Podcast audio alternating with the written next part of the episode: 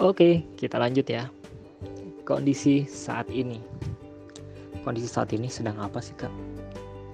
Sedang seperti apa dan Nah, ini saya bantu dengan presentasi-presentasi atau gambar ya dari saya. Oke, yang pertama, teman-teman harus sadar menyadari bahwa dalam waktu 25 tahun Indonesia akan masuk ke dalam masa emasnya yaitu 100 tahun kemerdekaan sekarang pertanyaannya, di manakah kita? Nah, saya buat proyeksi ini biar teman-teman kelihatan kalian tuh ada di usia berapa pada saat 2045. Kalau yang saya pastinya saya ada di usia 50-an tahun. Dan teman-teman cuma apa? Teman-teman informasi saja untuk usia paling minimal presiden adalah 40 tahun. Tapi sebelumnya teman-teman bisa melakukan banyak loncatan, baik dari jadi bupati, wali kota, kepala RT, ketua RT, kepala lurah, pak camat, dan lain-lain itu banyak untuk kita bisa mencapai 2045. Oke, jadi mudah-mudahan ini sebagai proyeksi sehingga teman-teman bisa tahu 2045 itu apa sih 2045 itu apa. Oke, 2045 adalah 100 tahun Indonesia. Dan kita ada di berada di mana? Di posisi apa? Di tahun berapa? Itu pilihan kita.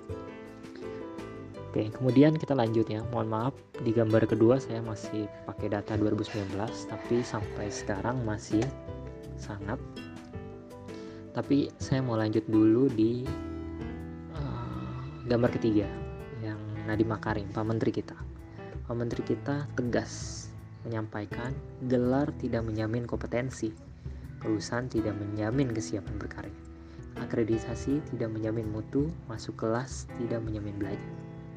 Artinya apa teman-teman? Ini adalah kesempatan emas buat gerakan pramuka yang dididik secara karakter, kecakapan, dan kebangsaan untuk bisa menjawab tantangan saat ini. Bagaimana bisa menjawab tantangan saat ini? Kita harus mengenal dulu saat ini sedang ada di era apa sehingga teman-teman bisa memaksimalkannya paham sekali. Nah, di gambar terakhir ini adalah keterampilan yang yang harus dihadapi keterampilan hadapi revolusi industri. Jadi artinya dalam menjawab revolusi industri 4.0 saat ini kita harus punya skill-skill ini untuk bisa eksis secara organisasi maupun secara personal. Yang pertama adalah informasi media dan teknologi. Ini sangat penting. Kenapa? Karena kata kunci revolusi industri 4.0 adalah kecepatan speed perubahan yang cepat sekali. Sehingga belajar sekarang tahun depan atau hari besok itu udah beda lagi. Simpelnya adalah coba lihat perkembangan handphone saat ini. Perkembangan handphone saat ini dalam waktu 3 bulan Samsung bisa mengeluarkan tipe baru dengan teknologi baru. Samsung, Vivo, Oppo dan lain-lain. Oleh karena itu kita harus cepat dalam hal belajar. Nah, kemudian di poin 2 adalah belajar dan berinovasi. Nah, harapannya teman-teman dengan belajar dan berinovasi bisa mempunyai terobosan-terobosan. Saat ini kondisi pandemi corona mengakibatkan kita SFH, school from home dan WFH, work from home. Artinya kita akan bosen dong kalau di rumah doang. Dan akhirnya sekarang udah mulai bermunculan. Dengan teknologi, ada Zoom, ada grup WhatsApp, ada grup yang sudah disampaikan oleh Joti ya nah, secara official di Wozem itu bisa kita lakukan. Nah, kita akan latihan dengan pengambilan resiko, pemecahan masalah, dan kreativitas dan serta keingintahuan. Kemudian yang ketiga adalah terampil dalam hidup dan berkarya. Nah, ini kenapa penting teman-teman dalam hal berkarya. Berkarya itu tidak melulu semuanya tentang pramuka, tapi bagaimana kita mempramukakan semuanya. Artinya, seperti saya yang saya ambil langkah yang saya ambil saya tidak uh, saya belum fokus dulu masalah next selanjutnya di pencapaian orang dewasa seperti pelatih, pembina dan lain-lain, tapi saya lebih fokus kepada mengambil karir dan mengambil komunitas. Nah, saya tujuannya adalah belajar pastinya. Yang kedua adalah apa nih yang bisa kita kolaborasikan. Karena menurut penelitian yang ke depan akan tren adalah kolaborasi dan komunitas dan itu sekarang sedang terjadi. buat teman-teman yang merasa eksklusif yang merasa dirinya pramuka aja itu udah nggak zaman. Sekarang saatnya kolaborasi saatnya berkomunitas. Berkomunitas kayak gimana? Banyak hal. Itu yang saya juga jalankan di kondisi saya sekarang. Kemudian yang terakhir adalah komunikasi yang efektif.